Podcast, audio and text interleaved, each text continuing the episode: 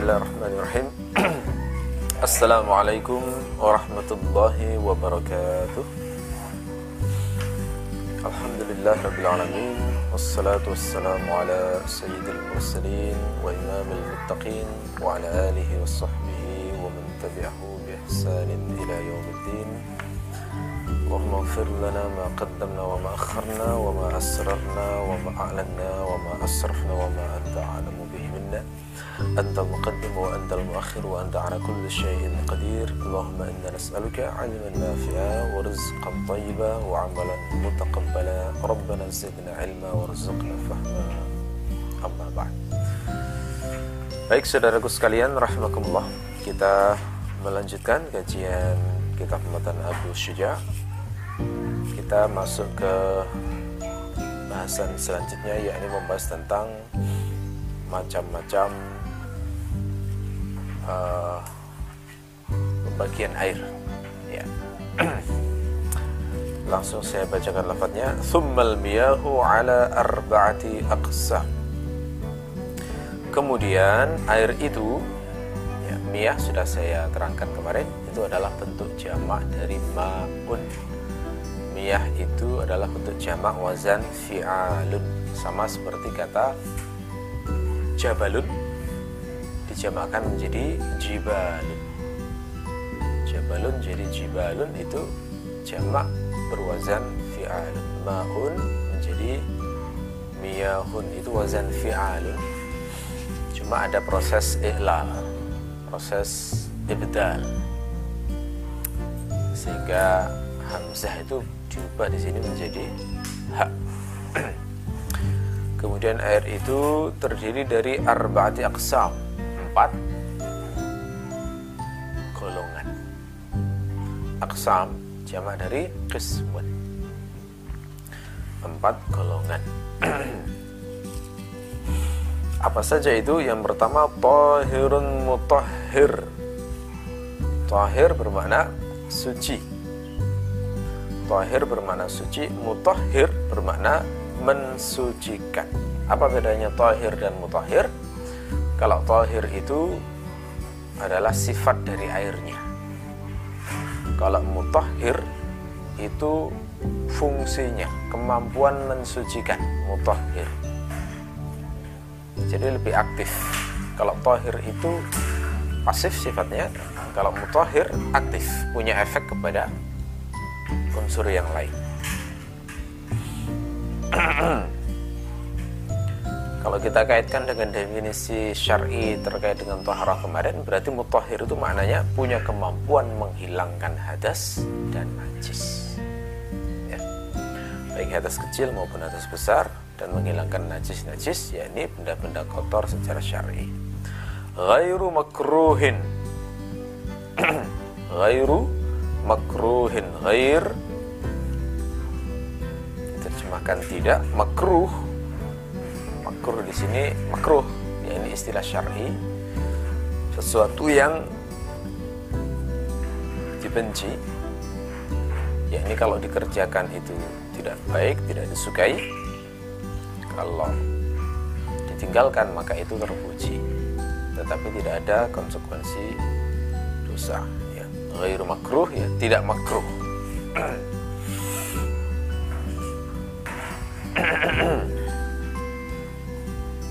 wahwa al-ma'ul mutlak yakni air mutlak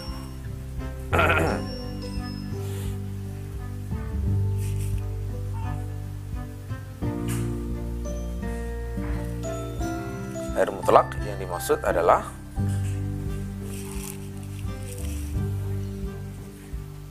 hukum asal air itu. Air yang kemarin kita bahas terdiri dari tujuh macam itu itu adalah golongan air mutlak nah ini statusnya adalah suci dan mensucikan serta tidak makruh dalam penggunaannya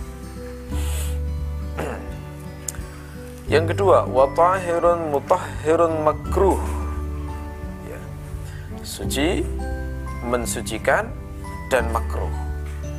Jadi hukumnya suci, sah digunakan untuk bersuci, tetapi makruh dibenci.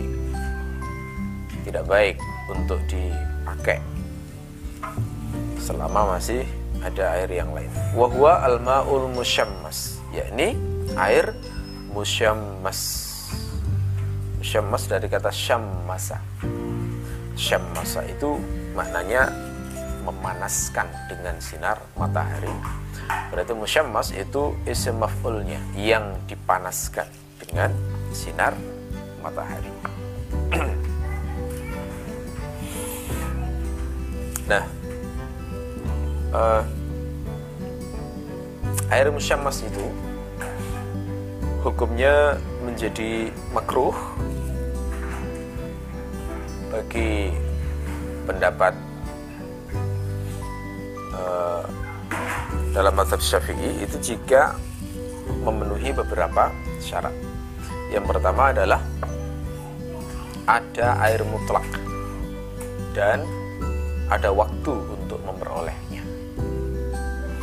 Jadi di situ ada dua pilihan berarti. Ada air mutlak dan ada air musyammas. Lalu dia mampu untuk memperoleh air mutlak dan ternyata malah memilih air musyammas. Itu baru jatuh hukum makruh. Yang pertama. Yang kedua adalah berada di negeri yang panas seperti Hijaz contohnya jadi area-area seperti Mekah nah, di Madinah nah, di Afrika itu kena hukum makruh menggunakan air musyamas jadi kalau mafhumnya area-area yang tidak panas area tropis seperti Indonesia tidak kena hukum air musyamas termasuk juga area-area dingin seperti di kutub utara maupun kutub selatan tidak ada hukum makruh penggunaan air musyammas. Syarat yang ketiga adalah air tersebut disimpan di wadah yang terbuat dari logam. Misalnya tembaga, seng, besi, dan semisalnya. Jadi kalau airnya itu disimpan di plastik atau di kayu atau beton misalnya maka berarti nggak kena hukum makruh air musyamas ini air yang diletakkan di tandon tandonnya terbuat dari plastik. Nggak kena hukum air musyamas diletakkan tandon terbuat dari beton misalnya. Nggak kena hukum musyamas kolam isinya keramik. Berarti nggak kena hukum air musyamas jadi harus logam. Syaratnya pada benda yang terbuat dari logam wadahnya. Kemudian syarat yang keempat adalah digunakan untuk badan. Berarti kalau air musyamas ini digunakan untuk bersuci selain badan maka tidak ada hukum makruh sama sekali. Berarti kalau digunakan untuk mensucikan pakaian misalnya atau digunakan untuk mensucikan tempat digunakan untuk mensucikan benda untuk membersihkan masjid misalnya maka yang semacam itu tidak kena hukum makruh di sini. Jadi hanya untuk badan saja digunakan untuk menghilangkan hadas kecil atau menghilangkan hadas besar. Nah itu yang kena hukum makruh.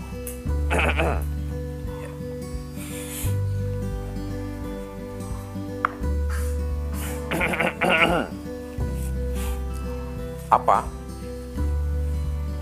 Eh, dalil yang dipakai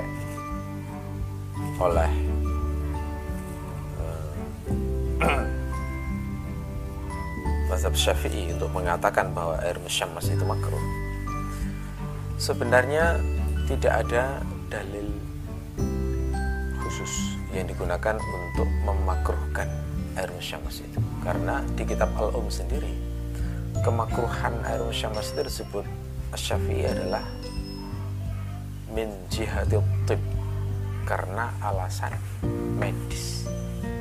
Alasan medis alasan kedokteran sebenarnya yang menyebabkan hal tersebut yakni karena dikhawatirkan bisa menimbulkan penyakit sopak. Penyakit bahasa medisnya vitiligo ya. Sopak yang itu ya putih-putih bercak-bercak putih pada tubuh itu. Jadi sebenarnya perlu kajian lebih mendalam secara medis benarkah air yang terkena panas sinar matahari di negeri yang panas kemudian disimpan pada wadah yang terbuat dari logam itu bisa menimbulkan semacam itu. Karena ini selama berabad-abad seperti ini istihad ya. Imam An-Nawawi sebagai salah seorang tokoh dan pakar dalam mazhab Syafi'i itu termasuk yang mengkritisi ijtihad ini. Sehingga ikhtiar beliau uh, beliau itu mengatakan tidak ada kemakruhan sama sekali memakai air mesyammas untuk berwudu. ya. Di kitab Al-Um sendiri itu ada riwayat yang dipakai bahwa Umar bin Al-Khattab tidak suka memakai air mesyammas digunakan untuk berwudu karena alasan ini bisa menimbulkan sopak jadi Cuma kalau kita kaitkan dengan pembahasan bahwa hukum fikih itu adalah hukum yang terkait dengan hukum syara, maka sesungguhnya alasan medis ini e, sesungguhnya lebih dekat pada pertimbangan maslahat bukan pertimbangan hukum e, makruh yang bermakna syar'i karena sesuatu dikatakan makruh dibenci itu yang dimaksudkan dibenci oleh syariat dibenci oleh Allah sehingga harus didatangkan dalil yang menunjukkan bahwa memang itu dibenci. ya. Saya agak luput bagian yang pertama yakni untuk air yang suci dan mensucikan yang tidak makruh yakni air mutlak itu eh, kalau dalam penjelasan Mustafa Tibul Bugha dalam kitab At-Tadhib fi yang dijadikan dalil untuk ini adalah riwayat Arab Badui yang kenceng di masjid. Ya. Jadi hadis tentang Arab Badu yang kencing di masjid ini dijadikan dalil untuk menunjukkan bahwa hukum asar air mutlak itu bisa dipakai untuk mensucikan. Salah satu riwayat misalnya dalam Sahih Bukhari dari Abu Hurairah beliau menceritakan anna a'rabiyan bala fil masjid fathara ilaihi nas liyaqa'u bihi faqala lahum Rasulullah sallallahu alaihi wasallam دعوه وأهرقوا على بوله ذنوبا من ماء أو سجلا من ماء فإنما بعثتم ميسرين ولم تبعثوا معسرين bahwasanya seorang Arab Badui kencing di masjid maka orang-orang pun berhamburan menuju ke arahnya untuk menyerangnya. Maka Rasulullah Shallallahu Alaihi Wasallam bersabda kepada mereka, biarkan dia dan tuangkan pada air kencingnya itu setimba penuh setimba besar yang penuh dengan air. Karena kalian itu diutus untuk memudahkan dan tidak diutus untuk menyusahkan. Ya. Ini kalau keterangan Al-Bukhari tentang dalil dari poin yang pertama bahwa air mutlak itu sifatnya suci dan mensucikan. Kalau kita meng, pernah mengkaji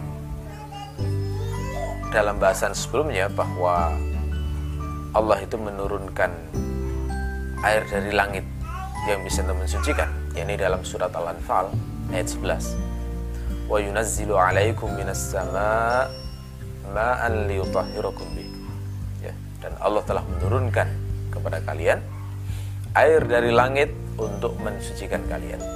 Sebenarnya ayat ini sudah cukup ya untuk menjelaskan hukum asal air mutlak itu suci dan mensucikan.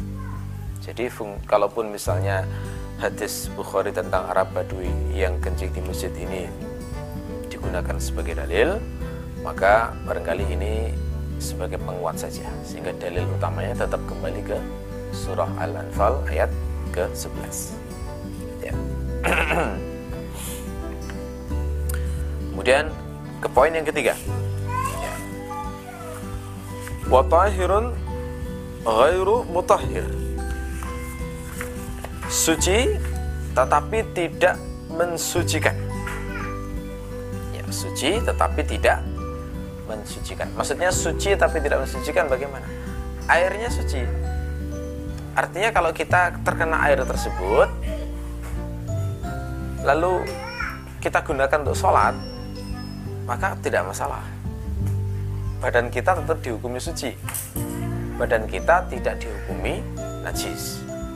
Itu maksudnya air suci. Ya.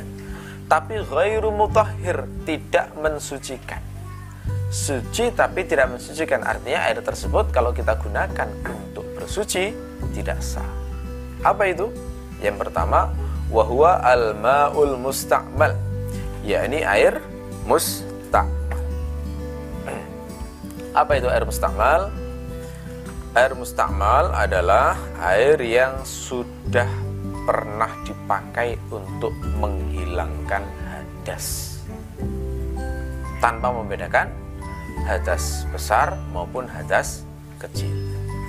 Jadi kalau misalnya kita berwudu kemudian air bekas wudhu kita kita tampung pada kaleng misalnya maka air yang semacam itu dikatakan air musta'mal atau kita mandi misalnya. Kita mandi airnya tidak kita ciduk tetapi kita nyemplung di kaleng misalnya. Maka air tersebut yang kita gunakan untuk mandi itu disebut dengan air musta'mal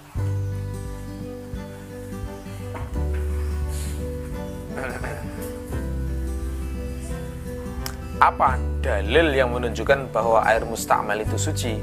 Dalilnya adalah hadis riwayat Al-Bukhari dari Jabir. Beliau mengatakan Ja'a Rasulullah sallallahu alaihi wasallam ya'uduni wa ana maridun la aqil.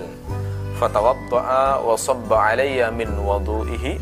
Fa'aqaltu faqultu ya Rasulullah liman al-miras? Innama yarithuni kalalah fanazalat ayatul faraid Rasulullah datang untuk membesukku. Sementara aku dalam keadaan sakit dan tidak sadar. Maka Rasulullah berwudu lalu menuangkan kepadaku sebagian dari air wudhunya maka aku pun sadar dan aku bertanya wahai Rasulullah untuk siapa warisan itu? Karena yang mewarisi aku hanyalah kalalah. Maka turunlah ayat faraid. Ya. lafat mana yang dijadikan istidlal dari hadis ini? Yang dijadikan istidlal adalah lafat yang berbunyi fatawadda'a wa sabba alayya min wudu'ihi. Maka beliau berwudu lalu menuangkan sebagian air wudunya itu kepada nah ini dijadikan dalil menunjukkan berarti air mustakmal itu suci. Bila berwudu lalu sisanya tampungan air wudhunya itu dituangkan kepada Jabir. Itu menunjukkan seandainya itu tidak suci tidak mungkin Rasulullah akan menuangkan kepada Jabir. Jadi ini dalil sucinya air mustamal lalu pertanyaannya apa dalil yang menunjukkan bahwa air mustakmal itu tidak mensucikan? Nah, ini pertanyaannya. Jawabannya adalah hadis riwayat muslim. Hadisnya dari Abu Hurairah Beliau mengatakan qala Rasulullah sallallahu alaihi wasallam la yautasil ahadukum fil ma'id da'im wa huwa junub. Faqala kaifa yaf'alu ya Abu Hurairah? Qala yatanawaluhu tanawulan. Rasulullah bersabda, janganlah salah seorang di antara kalian mandi di air yang diam. Maksudnya air yang tidak mengalir. Air yang tenang yang tidak mengalir sementara dia dalam keadaan junub. Maka muridnya Abu Hurairah bertanya, bagaimana yang seharusnya dia lakukan wahai Abu Hurairah? Maka Abu Hurairah mengatakan, hendaklah dia menciduknya, mengambilnya untuk mandi. Ya. Jadi lar, uh, wajhul istidlalnya itu begini, larangan Rasulullah untuk mandi di air yang tenang menunjukkan berarti uh, air yang mustakmal itu tidak sah digunakan untuk bersuci. Karena kualitas air dalam hadis ini itu bisa difahami kondisinya sedikit. Ketika air tenang itu eh, mandinya adalah nyemplung di sini kasusnya, maka kemudian ketika mandi di situ maknanya berarti dia akan mensucikan dirinya dengan air yang sudah pernah ia pakai. untuk bersuci dan itu adalah air mustamal. Meskipun konteksnya di sini adalah untuk mandi besar, maka hukum wudhu disamakan karena hukum wudhu itu sama-sama menghilangkan hadas dengan mandi besar. Ya. Kemudian yang kedua adalah wal mutaghayyiru bima khalatahu min Yang berubah. Al mutaghayyir itu maknanya yang berubah. Dari kata taghayyara, taghayyar itu maknanya berubah. Kalau ghayyara itu maknanya mengubah. Kalau taghayyara itu mutawaahnya, berubah. Ya. Mutaghayyir itu uh, isim fa'il maknanya yang berubah. Al mutaghayyir wal mutaghayyir bima khalatahu dengan sesuatu yang mencampurinya. Khalata bermakna mencampuri. Ya, khalata bermakna mencampuri. Khalatahu hunya itu kembali ke uh, air ya ke air ya yang kita bahas itu. Minat tahirat minnya min zaidah yakni terjemahannya. At-tahirat sesuatu yang suci. Maksudnya benda-benda yang suci. Jadi jenis yang kedua ini adalah air yang bukan air mustamal tetapi air yang berubah Maksudnya berubah apanya? Berubah sifatnya. Jadi berubah warnanya misalnya, atau berubah baunya, atau berubah rasanya. Kenapa berubah? Karena telah tercampur dengan benda suci. Misalnya, air kecampur garam. Kalau air kecampur garam yang berubah apanya? Rasanya jadi asin. Nah, Air jenis ini itu kata Abu Suja itu suci tapi ghairu mutahhir, suci tapi tidak mensucikan. Maksudnya begitu ya. Air kecampur parfum. Yang berubah apanya itu? Baunya. Eh maaf ya, baunya. Baunya. Jadi kalau sudah air kecampur parfum menjadi berbau parfum, itu suci, tetapi tidak mensucikan. Tidak boleh digunakan berwudu dan tidak boleh digunakan untuk mandi. Air tercampur dengan pewarna apa wenter namanya. Nah, itu ya. Itu kan benda suci juga. ini berubah warnanya. Itu juga demikian hukumnya suci tetapi tidak mensucikan. Jadi pokoknya mutahoyir sifatnya berubah baik itu warna bau dan rasa tercampur oleh benda suci maka itu tidak sah digunakan untuk berwudu. Maka berwudu dengan air kopi tidak sah karena sudah tercampur benda suci. Berwudu dengan air teh berwudu dengan uh, air jus misalnya. Tidak sah Berarti bisa kita simpulkan air yang suci dan tidak mensucikan dua macam. Pertama, air mustakmal dan yang kedua adalah air yang berubah karena tercampur benda suci. Ya. Apa dalilnya untuk poin yang kedua ini, yakni yang berubah karena benda suci, karena kecampuran benda suci ini tidak sah digunakan berwudu. Itu dalilnya adalah kembali ke definisi air mutlak ya. Jadi kembali ke surat Al-Anfal ayat 11 ketika Allah berfirman wa yunazzilu 'alaikum minas sama'i ma'an liyutahhirakum bih. Allah menurunkan kepada kalian air dari langit untuk mensucikan kalian. Maka ketika Allah menyebut lafaz ma'an di sana disebut air itu adalah ketika memiliki sifat-sifat air secara alami. Sifat air secara alami itulah yang disebut dengan air mutlak jadi kalau air sudah kecampuran kopi, nggak bisa disebut dengan air lagi. Itu maksudnya. Ya, air kecampuran kopi itu orang Arab menyebutnya kohwah lagi sudah. Bukan bukan kopi. Bukan air air mutlak lagi. Maksudnya begitu. Jadi kembali ke definisi air e, mutlak yang disebut dalam Al-Qur'an. Ya. Ini dasar kenapa disebut uh, suci tetapi tidak mensucikan. Kalau kecampuran tetapi itu bagian tak terpisahkan dari air secara alami, maka tetap suci dan mensucikan. Nah, contohnya misalnya seperti di sungai-sungai itu kan jelas kecampuran tanah, kecampuran batu, kecampuran kerikil, gitu ya.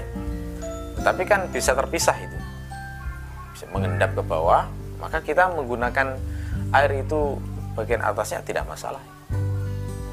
Kemudian di beberapa danau misalnya ada lumut yang memang itu bagian tak terpisahkan dari air. Dan tidak mungkin untuk dipisahkan memang susah. Maka itu tidak mempengaruhi keabsahan uh, air untuk bersuci. Ya. Air banjir tapi beda misalnya seperti air banjir yang warnanya coklat. Air banjir warnanya coklat itu kalau ingin dipakai maka nggak bisa langsung dipakai tetapi diambil dulu dibiarkan sebentar untuk biar mengendap dulu lumpur-lumpurnya. Kemudian bagian atasnya dipakai nah tidak masalah. Termasuk air di tampungan bak mandi di rumah ini misalnya itu kalau baru turun itu uh, baru-baru dipompa dari sungai bisa jadi dalam kondisi tertentu masih kecampuran. Air sumur itu masih kecampuran uh, tanah. Itu dibiarkan beberapa menit airnya uh, debunya mengendap, maka itu boleh digunakan untuk bersuci. Jadi yang dimaksud di sini adalah yang dikatakan berubah yang membuat sifatnya tidak bisa digunakan untuk bersuci itu adalah ketika uh, ditambahkan unsur baru yang ditambahkan pada air mutlak itu yang terlarang. Dan ini nggak bisa pakai logika, misalnya air laut. Air laut itu kan asin, dan itu sah digunakan bersuci. Maka kalau kita punya air, kita kasih garam, kemudian rasanya asin, seharusnya kan boleh. Nah, nggak boleh di logika semacam itu ya. Jadi air laut itu boleh digunakan untuk bersuci, di samping karena ada nas, ya memang ada masuk dalam keumuman lafat air yang disebutkan dalam surat Al-Anfal yang kita bahas tadi. ya, itu yang ketiga. Yang keempat adalah wamaun najisun. Dan air najis. Berarti bisa kita simpulkan dari empat golongan ini yang disebut oleh Abu Syuja itu tiga golongan itu semuanya suci, yang najis cuma satu golongan yang terakhir. Ya, jadi golongan pertama, kedua, ketiga itu suci semuanya. Yang pertama suci dan mensucikan tidak makruh, yang kedua, suci mensucikan tapi makruh. Yang ketiga, suci tidak mensucikan. Tapi semuanya suci. Ya. Apa golongan yang keempat ini? Wahuwaladzi halat fihi najasah, yakni yang alladzi isi mausul terjemahannya yang. Maksudnya adalah air yang. Ya, karena setiap isim mausul itu memperkirakan isim uh, sebelumnya yang dihilangkan. Jadi ini perkiraannya wahwa al-ma'ul halat fihi najasah. Jadi konsepnya begitu ya, setiap isim mausul itu pasti ada isim sebelumnya yang dibuang perkiraannya kalau tidak disebutkan. Si Quran misalnya ya ayyuhalladzina amanu. Nah, itu isim mausul. Sebenarnya itu ada isim yang dibuang. Misalnya bisa kita katakan ya ayyuhan nasul ladzina amanu. Wahai manusia yang beriman. Itu maksudnya. Wahai manusia yang beriman. Tapi biasanya dalam terjemahan langsung diterjemahkan wahai orang-orang yang beriman. Kan begitu. Jadi sebenarnya terjemahan orang-orang itu bukan dari alladzi karena alladzi alladzina itu terjemahnya yang. Dia isi mausul. Yakni yang halat fihi najasah halla itu makna bahasanya berdiam berdiam fihi pada air tersebut najasah najis. Jadi air yang berdiam padanya najis. Ini kalau terjemahan lenturnya mungkin bisa kita katakan yakni air yang terkena najis gitu saja. Air yang terkena najis. Jadi kalau ada air terkena najis maka dihukumi najis. Itu makna umumnya begitu Tapi di sini diterangkan lebih jauh kondisinya seperti apa yang menghukumi dia dihukumi najis. Apa kondisinya diterangkan? Wahwa duna al kullatain, yakni yang kurang dari dua kullah. Jadi kalau airnya kurang dari dua kullah, kemudian terkena najis, baru dihukumi najis. Dua kullah itu bagaimana? al kullah Al-qullah itu adalah ukuran volume. Ya, al-qullah itu ukuran volume. Dan para ulama itu uh, berikhtilaf, berbeda pendapat terkait dengan konversi kullah itu bagaimana, seperti apa. Kalau dalam hitungan rawas kal ahji itu satu kullah itu setara dengan 160,5 liter. Itu satu kullah. 160,5 liter. Jadi 160 setengah liter. Berarti kalau dua kullah tinggal dikalikan dua. 160 setengah dikalikan dua adalah 321 liter Ini pendapatnya Rawas Qalahji. Ini yang sering saya rujuk memang ini karena ini penelitian terbaru menurut saya uh, penyusun kitab dari Mu'jamul Lughatil Fuqaha dan seorang akademisi uh, sehingga dalam beberapa hal saya lihat lebih akurat ya, dalam mengkonversikan ukuran-ukuran syar'i. Kalau pendapatnya Wahbah Az-Zuhaili itu dua kullah itu 270 liter. Jadi kalau kita baca kitab beliau misalnya Al-Fiqhul Islami wa Adillatuhu itu beliau ketika menerangkan dua kullah itu nanti diterangkan. Konversinya dua kullah itu setara dengan 270 liter. Kalau pendapatnya ini Ustadz Muhammad Rifai yang menulis buku uh, tuntunan sholat lengkap tuntunan sholat tongkat ini buku yang sangat populer di negeri kita ya. Itu beliau menerangkan saya pernah membaca waktu kecil dulu. Dua kula itu setara dengan 216 liter. 216 liter.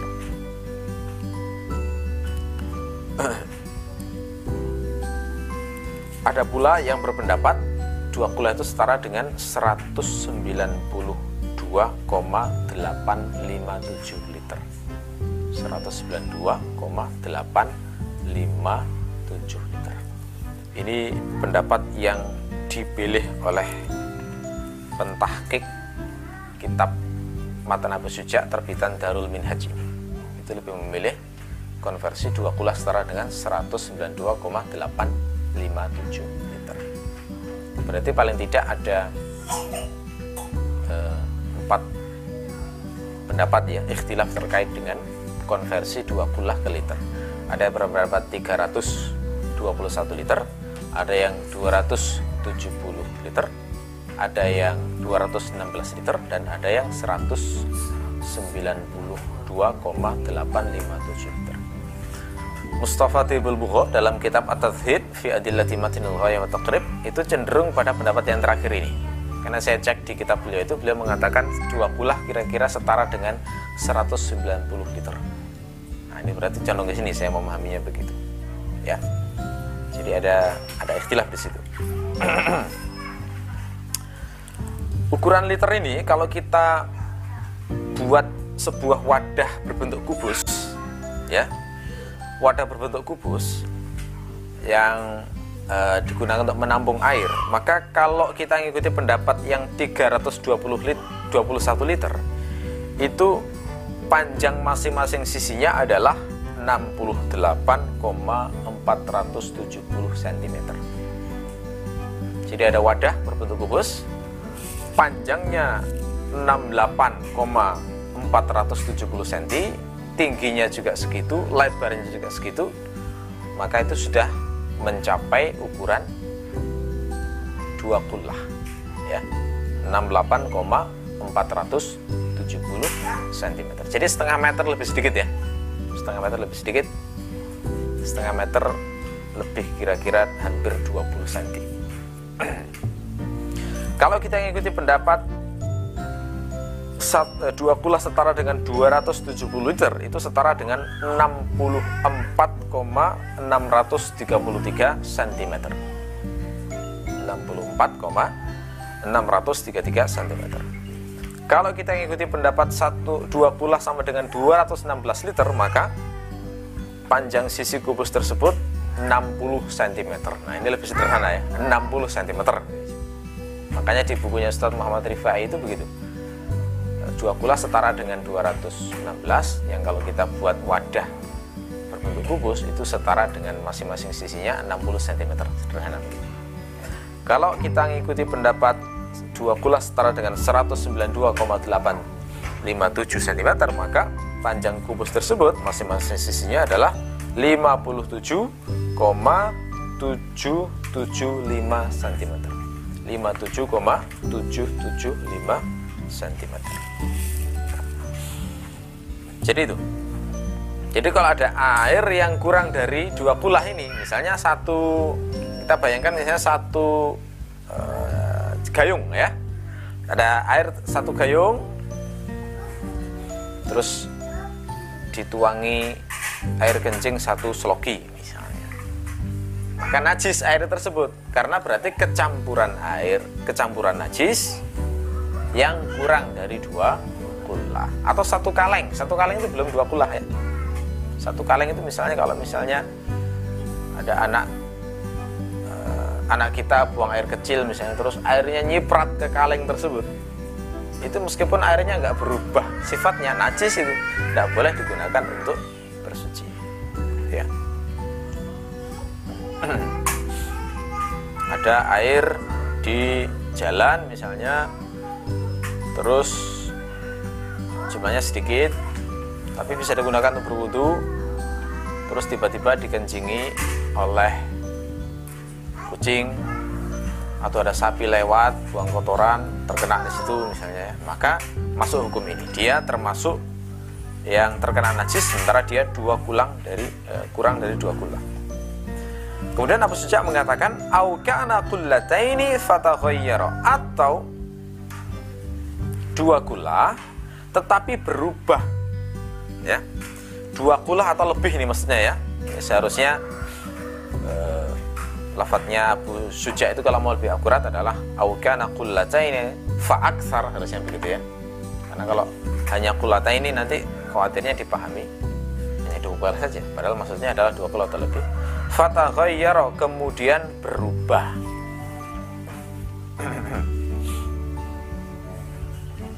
berubah itu maksudnya berubah warna, rasa dan baunya.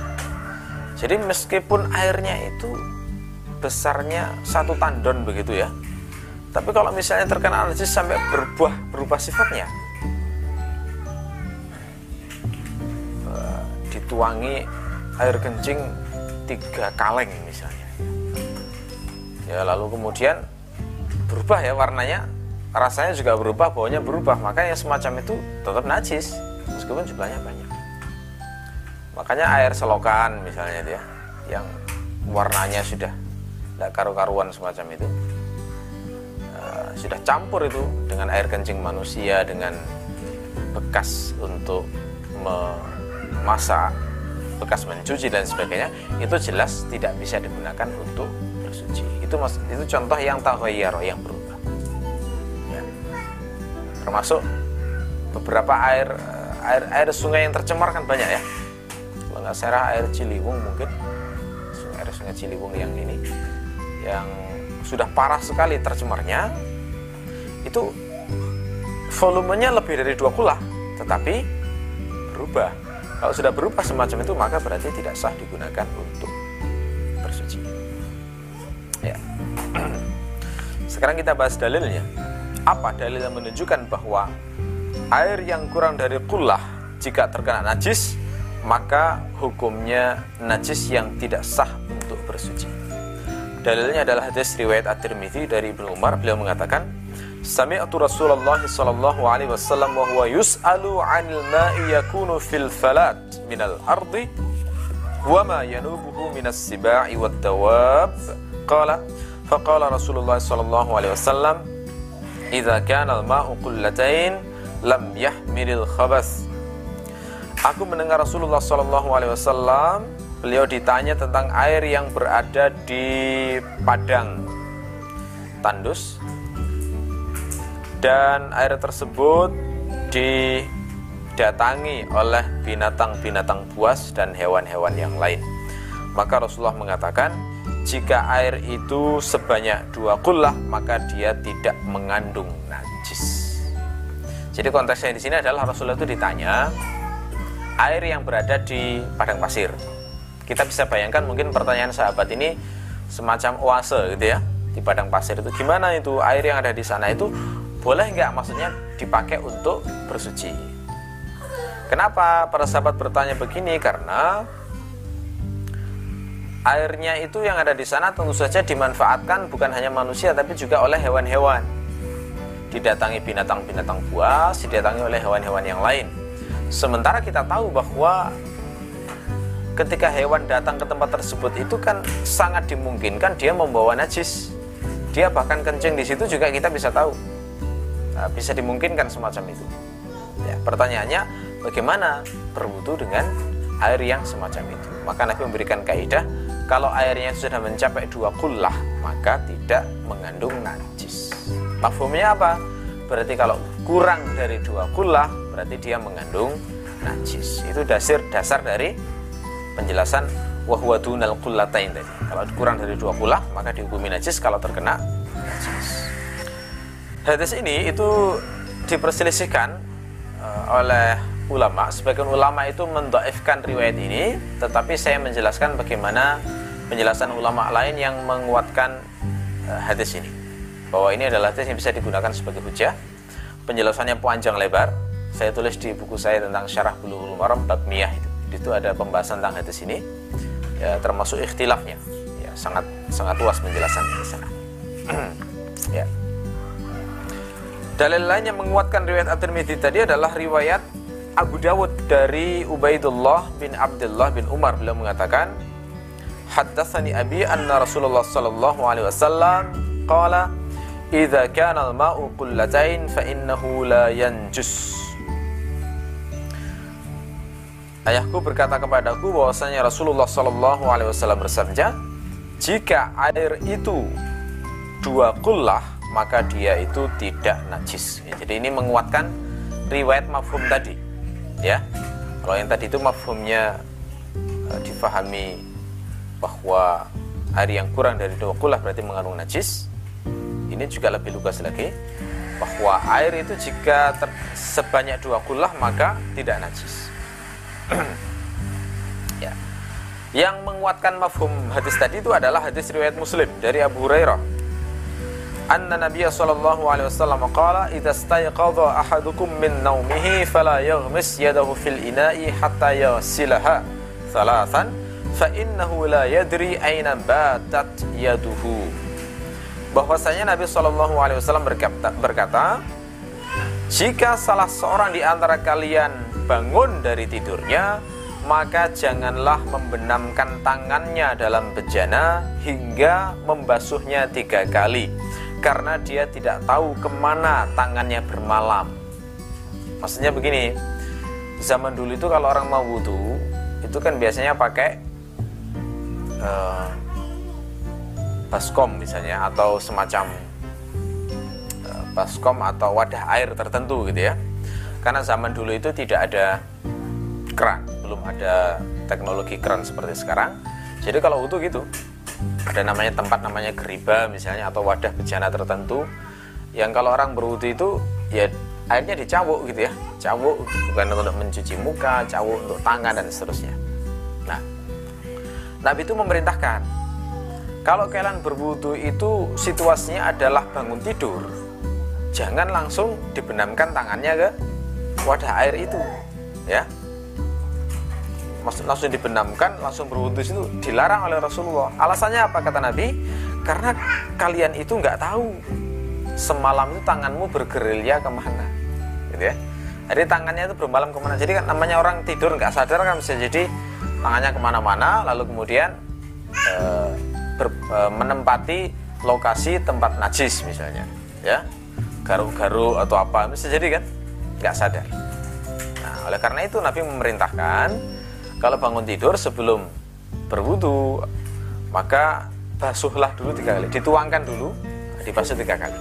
Gitu ya. Makanya nanti di di mata Abu Suja ini juga termasuk sunnah adalah sebelum berwudu itu membasuh tangan tiga kali dengan cara dituangkan dulu. Bukan langsung dicemplungkan ke ke bejana tersebut.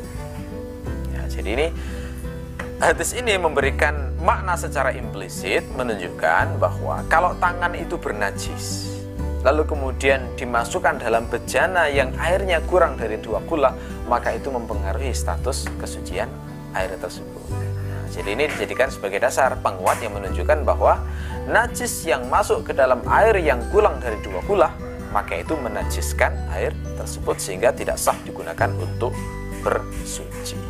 Ya, jadi itu ya, itu dasar dalil. Kenapa ada aturan semacam ini, yakni air yang terkena najis itu kalau airnya kurang dari dua kulah maka hukumnya najis. Adapun dalil untuk bagian yang kedua yakni airnya lebih dari dua kulah tapi berubah ya, maka itu sama seperti dalil tadi yang untuk kecampuran air suci tadi jadi kalau airnya airnya itu sudah taghayyar sudah berubah maka sudah tidak masuk dalam definisi air mutlak sebagaimana disebutkan dalam surat Al-Anfal ayat 11 dan juga diambil dari mafhum dari hadis-hadis yang saya bacakan tadi ya. Kalau air itu e, terdiri dari dua kulah maka dia tidak najis ya. Ketika lebih tapi berubah terkena najis maka e, dia tetap dihukumi najis karena berubahnya sifatnya tadi gitu ya. Kita lanjutkan. Wal kullatani dan dua kulah itu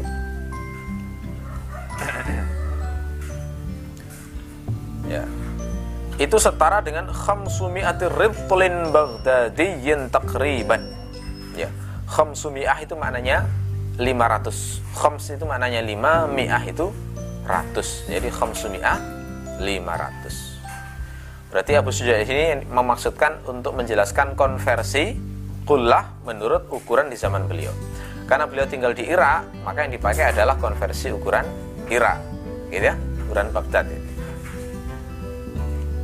Jadi saya zaman dulu sudah ada namanya konversi ya. Khamsimi'ati ritlin Baghdadi ritl. Ini ini e, ritl itu adalah ukuran berat di Irak sana.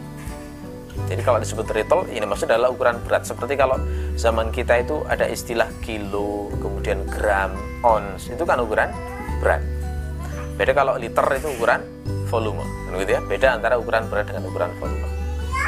Jadi beliau mengatakan dua kula itu setara dengan 500 ritol Baghdadi takriban. Takriban itu maknanya kira-kira.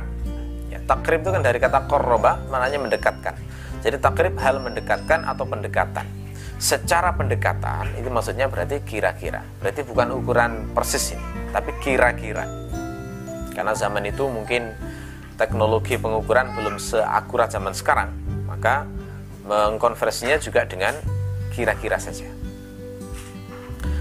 Lalu beliau mengatakan fil asah. fil asah ini makna harfiahnya adalah yang paling sahih. Ini perkiraannya adalah fil qawlil asah. Ya, dalam pendapat yang paling sahih. Ketika ada pernyataan semacam ini menunjukkan berarti dalam pendapat internal ulama Syafi'iyah ada ikhtilaf. Ya. Di zaman Abu Suja sudah saya terangkan kemarin beliau itu kan hidupnya antara tahun 434 Hijriah sampai 500 lebih sedikit Hijriah itu berarti masa sebelum munculnya An-Nawawi masa sebelum masa sebelum munculnya Ar-Rafi'i. Karena Ar-Rafi'i itu wafat tahun 623 jadi e, generasi sebelum Ar-Rafi'i sedikit. Ya. generasi sebelum Ar-Rafi'i dan An-Nawawi itu adalah generasi yang masih muncul dua aliran uh, fikih asyafi'i yakni aliran Khurasan dan aliran Fira ya, sehingga ada perbedaan pendapat banyak ikhtilaf itu paling enggak dua aliran ini yang yang sering ada ikhtilaf. Dan bahkan satu aliran pun kadang-kadang terjadi ikhtilaf. Nah, ketika ada kata fil asah maka maknanya berarti ada ikhtilaf di kalangan para ulama syafi'iyah. Konversi yang lebih tepat itu mana? Terus yang ditarjih oleh Abu Suja adalah dua kulah setara dengan 500 ritol ya. Ini ukuran yang sudah tidak dipakai zaman sekarang.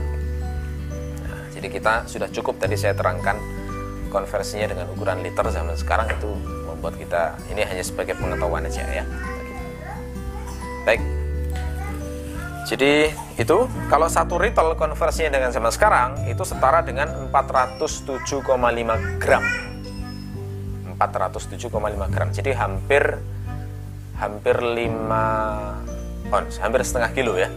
Hampir setengah kilo. Itu satu ritol. Berarti kalau 500 ya kalikan aja. 500 ritol dikalikan 4, eh, 407,5 gram itu berapa kilo itu kira-kira? Ya, ya kira lebih dari anu lah. Kintalan pokoknya ya. Ukurannya kintalan. Baik. Sampai sini dulu. Sebelum diakhiri mungkin ada pertanyaan.